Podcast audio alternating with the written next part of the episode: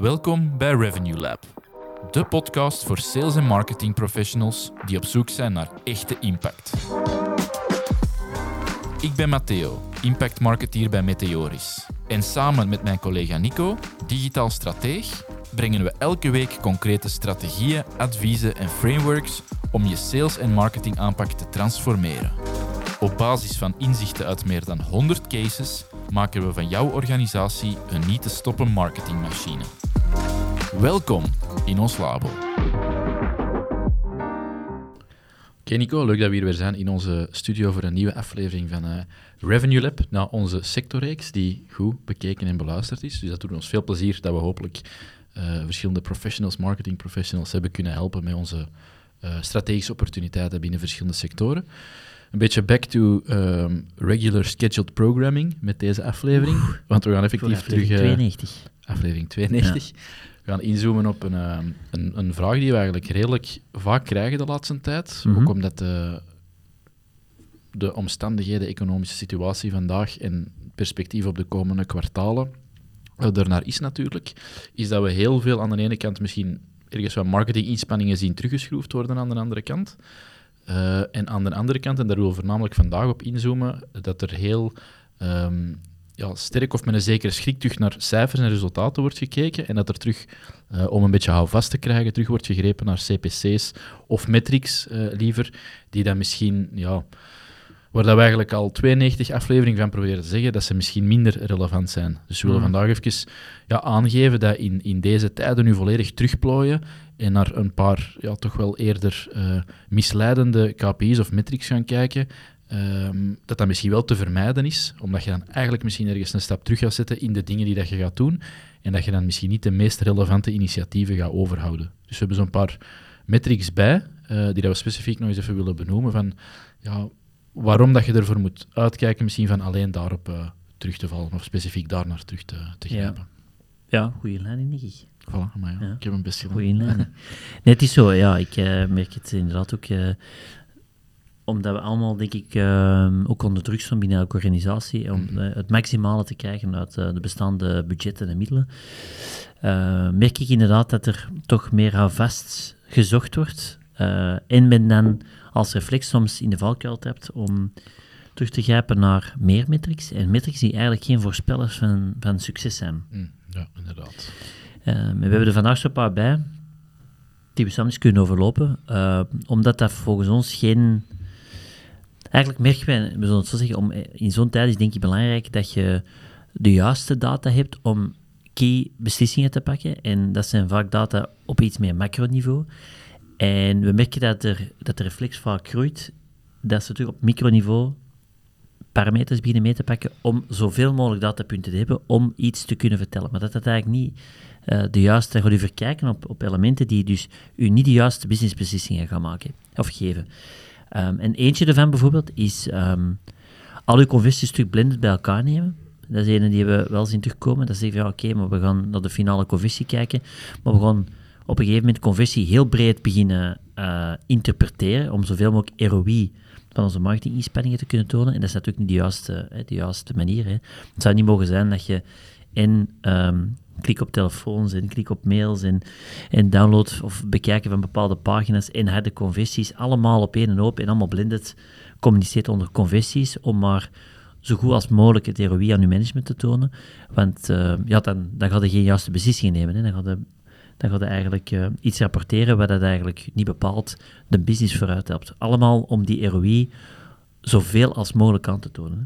Nee, dan gaat een klein beetje terug naar de marketing prehistorie, denk ik. Ja. Uh, en zeker, en daar ben ik super allergisch uh, voor, uh, de, de analyses dat we een hele tijd terug ondertussen hebben gemaakt, die komen het minder tegen, maar waarin dan niet alleen de semi-conversies als conversie werden benoemd, maar bijvoorbeeld ook het gegeven uh, hoeveel doelen of events dat ik heb gezien in uh, analytics-profielen, uh, gewoon voor een kwalitatief bezoek. Iemand dat langer dan een minuut op een website was geweest. Ja, en dat, dat werd dan geteld als conversie, terwijl het dat je zou, er zou misschien nog ergens iets voor te zeggen zijn dat een intentie door een klik op een telefoon of uh, een klik op een e-mailknop, terwijl dat niet echt een harde conversie is. En de, de brug verder is natuurlijk helemaal absurd, waar we het nu terug naartoe zien gaan, van die dan nog eens allemaal op een hoop te smijten, hoe, uh, hoe soft of hoe hard dat die conversies ook zijn. Ja, inderdaad. Uh, want dan kun je natuurlijk niet gericht gaan analyseren en gericht gaan bijsturen. Dus dat blended gegeven van gewoon ongedifferentieerd de 500 conversies voor de 500 conversies aan te zien, laat ons daar misschien absoluut niet naar terug gaan. Dat is, Ja. dat is zeker een stap terug. Ja, ja, dat is zeker een stap terug in. En om maar zo scherp mogelijk die kost per lead te kunnen presenteren en op die manier dan uw budget te verdedigen. Maar in die end gaat het bedrijf op dat moment niet meer helpen. Dus daar moet je echt waakzaam voor zijn om dat dus niet eh, in je valkuil eh, terug te trappen. Hè. Dus dat is de eerste die we terug op het, eh, op het toneel zien verschijnen. Zal een tweede doen. Ja. Eh, een tweede, eh, views of impressies. En gewoon hoe Ja. vaak dat we met onze advertenties of onze content eh, of onze SEO-artikels, onze SEO-pagina's worden vertoond in de platformen of in Google. Mhm. En gewoon dat cijfer aan zich, zonder verdere interpretatie, als dat hoog is, is dat goed. En we gaan dat proberen altijd maar te verhogen. Terwijl, allee, als er iets is dat we in deze podcast hebben proberen duidelijk te maken, is ehm, die aantallen die kunnen zo hoog liggen als ze willen. Als ze allemaal niet gekwalificeerde mensen zijn, of die dan niet de juiste intenties hebben, dan heb je daar niks aan. Dan heb je niks aan die vertoningen. Dus dat haalt ook weer niks uit dat je dan weer gedrag gaat vertonen om je impressies de hoogte in te jagen. Als er voor 99% ballast of, of, of ruis of klutter tussen zit. Ehm, dus dat is ook weer zo'n hele rare reflex dat we zien. Ja, dan moeten we vooral veel vertoningen hebben en altijd proberen meer te doen. Maar ja, probeer echt naar die, die, eh, dat deeltje superconsumers, uw, uw een hele niche doelgroep dat je moet bereiken, probeer daar veel te verschijnen, maar probeer het weer niet breed te trekken dat we ja, voor iedereen onder de zon, of voor eh, iedereen, ook al vallen ze buiten onder onze doelgroep, dat we daar onze content of onze campagnes gaan eh, onder de aandacht brengen. Ja. Dat, haalt, dat haalt niks uit. En dan ga je weer binnenkrijgen dat er verdwaalde aanvragen voorkomen of verdwaalde conversies die dat je weer ziet op te volgen. Ehm, ja, het verhaal dat we al een tijd doen, hè, dat, dat is dan weer heel veel opvolgwerk, inefficiëntie en gefrustreerde salescollega's of een gefrustreerd salesteam. Ehm, dat is misschien al verder eh, down the line, maar die, die, die, die naakte impressies, ja, gaat er alsjeblieft niet achter of jaag er alsjeblieft Ja. niet op. En bij uitbreiding ook het aantal visits op uw, op uw website bijvoorbeeld. Ja. Dat is ook zo eentje. Dat is totaal, allee, als we daar kijken, dat is totaal geen voorspeller van succes. Het is niet omdat we meer bezoek hebben op de website of meer views hebben van onze, van onze campagne, dat dat dan zorgt voor succes. Hè. Eh, er zijn er andere parameters, denk ik, die daar over dat element veel nuttigere dingen zeggen. Hè, namelijk een eh, engagementpercentage bijvoorbeeld. Hmm. Hè, van de mensen die het zien, hoeveel eh, interageert erop en hoe is dat tegenover onze benchmark. Dat zegt veel meer iets over de kwaliteit van een weergave dan de aantallen bezoeken of de aantallen views. Hè. Dus, en die, pas op, ik snap het wel. Hè. Ehm, die vraag komt vanuit het idee, onze conversie blijft achter. Omdat natuurlijk ook het economisch niet altijd even evident is. Dus oké, die conversiepercentage die, die, die zakken wel in, in de meeste sectoren voor een deeltje. En dan de, de volgende logische reflectie is om dan te gaan kijken van, ja, hebben we dan wel genoeg verkeer?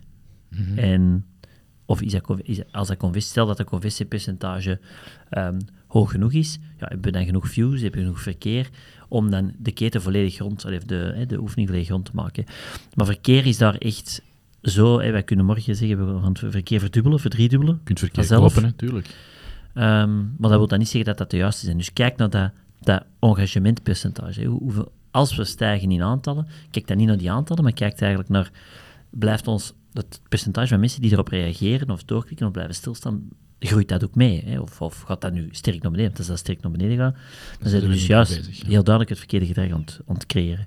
Dus dat is veel interessanter dan die aantallen. Ehm, dat willen we maar zeggen. Maar we zien dat die reflexie wel wat terugkomt. Hè? Ja, inderdaad. En ergens logisch ook. Ik snap het, ja, maar dat is, dan gaat je naar de verkeerde dingen kijken en dus ook de verkeerde beslissingen maken. Wat dus niet goed, dan ga je optimaliseren voor de aantallen en niet voor het eindresultaat, wat uiteindelijk wel belangrijk is. Eentje die in hetzelfde straatje zit, eh, de volgende als dat goed is, Ja.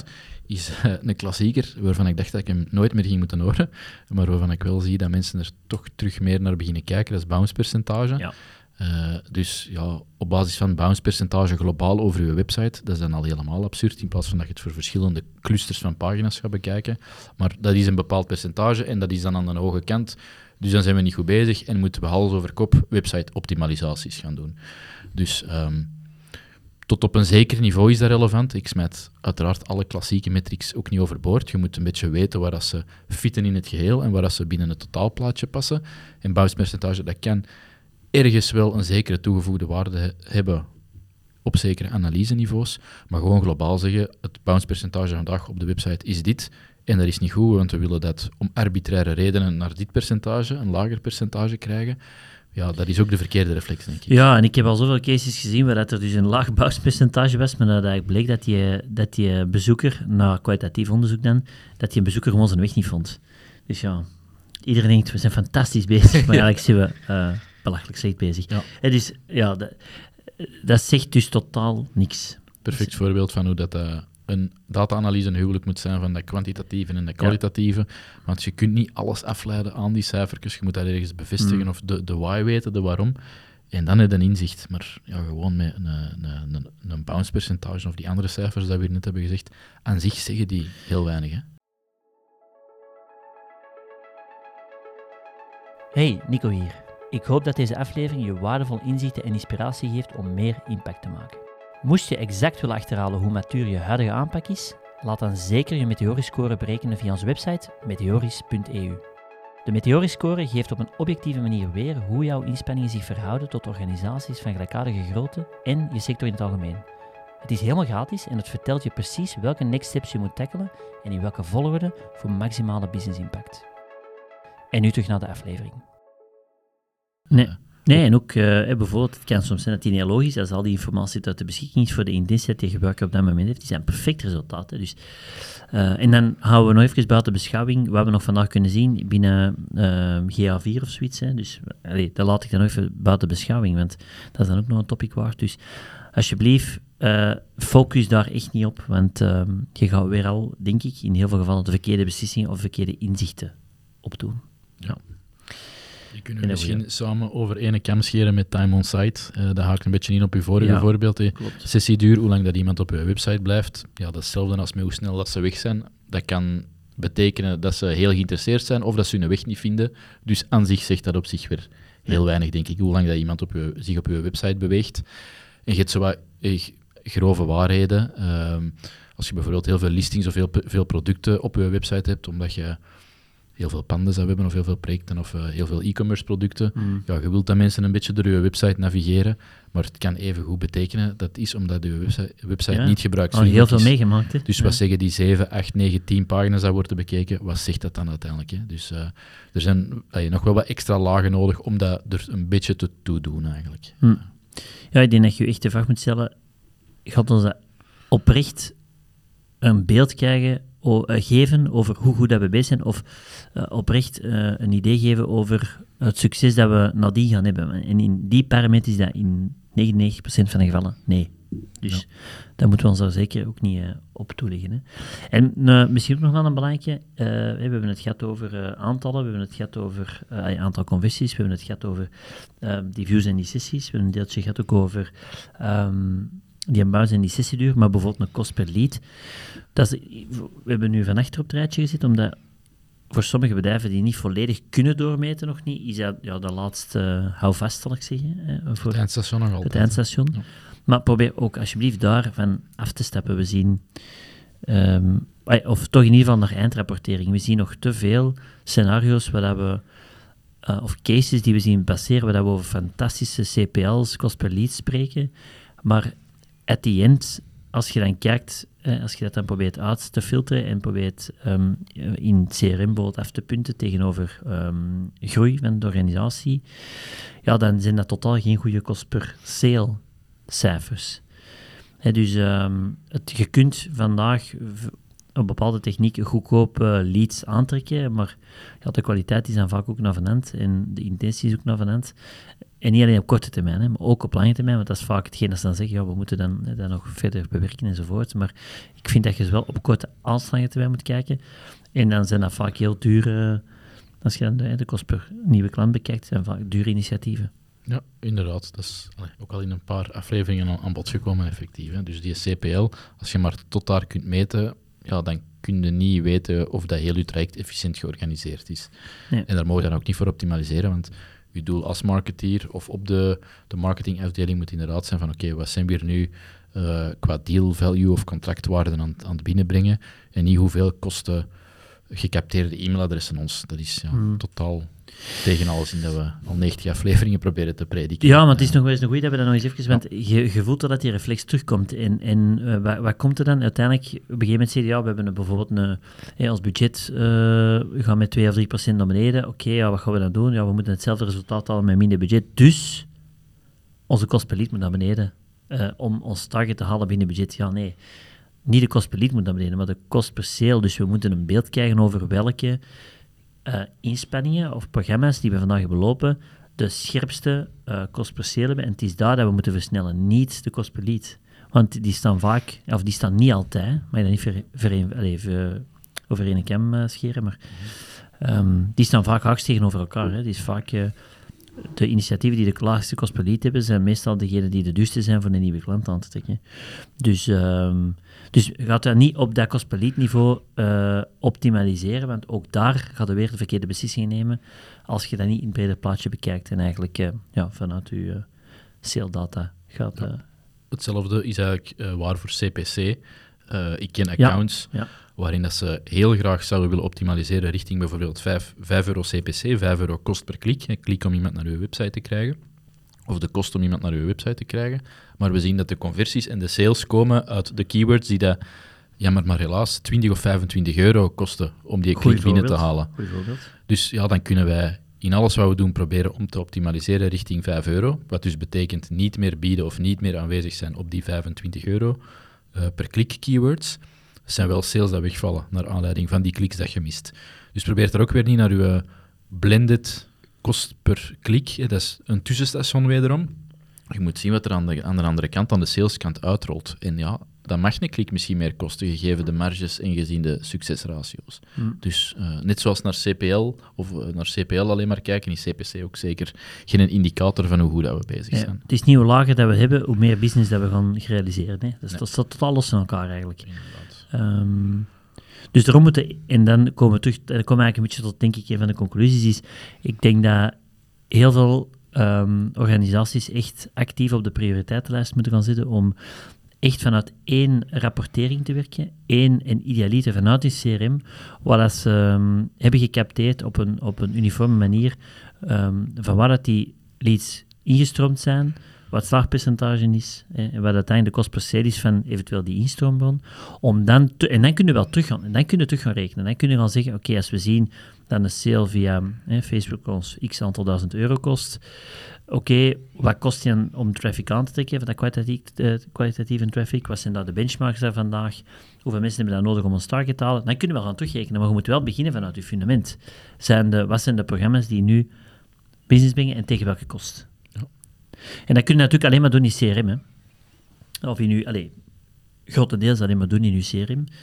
Ehm, want als we zien wel, als je dat los van elkaar trekt, dan...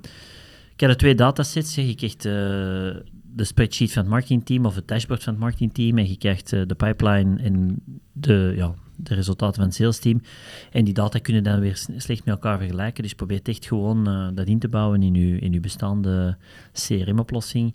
En zodoende dat je data opdoet, waar je echt macro-beslissingen uit kunt nemen en val niet in de valkuil volgens ons om dan naar die micro-datapunten te gaan die ons eigenlijk in die end dan ook niet zeggen of dat we goed bezig zijn. Hij heeft gesproken. Ja, Nee, helemaal waar, absoluut. Het zou jammer een- zijn als we de stap terugzetten, hè, inderdaad. Ja, Eh, ja. Maar we snappen, allee, we we hebben ook gezegd, we snappen de reflex wel. Hè. We snappen de reflex dat je zegt van ja, Hita, dat moet ik gaan, moeten ehm zoveel mogelijk weten om ervoor te zorgen dat je zo goed mogelijk kunt eh, ja, bijsturen. Maar laat ons dan de juiste dingen meten en eh, in de juiste volgorde. Want anders dan gaat u, uw organisatie en uw marketingteam ook niet kunnen verbeteren. Ja, helemaal. Top. Voilà. Eh, ik kan me inbeelden dat daar heel wat vragen ook rond zijn. Eh, allee, we krijgen die vragen, vragen wat meer en meer. Wat meet ik nu nog wel, wat meet ik niet, waarom wel, waarom niet. Eh, laat het ons weten. Kunnen we met ons team zeker antwoorden op bieden. Of laat het ons weten via LinkedIn, dan komen we er ook persoonlijk even op terug. Maar ik vind het in ieder geval een heel boeiend thema en ik denk dat heel wat teams daarmee struggelen, zeker gegeven de situatie waar we vandaag in zitten, toch wel een uitdaging. Top. Oké. Ehm, en als er trouwens vragen zijn, shoot. Uh, zeker rond deze topic. Uh, zijn zeer bereid om uh, dingen te delen. Al is het maar misschien wat best practices rond dashboarding enzovoort. Daar hebben we denk ik wel heel wat voorbeelden die we voor uw case kunnen, kunnen tonen. En ik moest zeker nog de expertsessie, denk ik, van volgende week aanhalen. Ja, zeker. Weliswaar zonder Matteo. Op 8, ja, ja. jammer. Uh, dubbele booking, sorry. Maar je gaat dat fantastisch doen met, uh, ja, met een special guest boven special guest. Ja. Op 8 februari uh, hebben wij een sessie rond, um, waarin we een specifiek framework bespreken om sales- en marketingteams deels op basis van een single source of truth of op basis van CRM dichter bij elkaar te brengen. Mm -hmm. dat is over de middag van 12 tot 1. En je kunt u inschrijven via onze LinkedIn-pagina, dus Meteoris zoeken op LinkedIn. En dan onder het tabje events uh, zullen er zelfs drie uh, zien klaarstaan. Maar het eerstvolgende is dus 8 februari. Als je daar aanmeldt, krijg je binnen LinkedIn ook uh, de nodige meldingen in naar aanloop van en de dag zelf. Dus het zou heel tof zijn als je erbij bent, als, als dat een topic is waarmee dat je bezig bent vandaag. Voilà, fantastisch samengevat. Dan wens ik iedereen nog een fantastische dag afhankelijk, of begin van de dag, afhankelijk van wanneer je geluisterd natuurlijk. Uh, zien we elkaar graag volgende week tijdens de expo-sessie en uiteraard een volgende aflevering van Revenue Lab. Tot dan.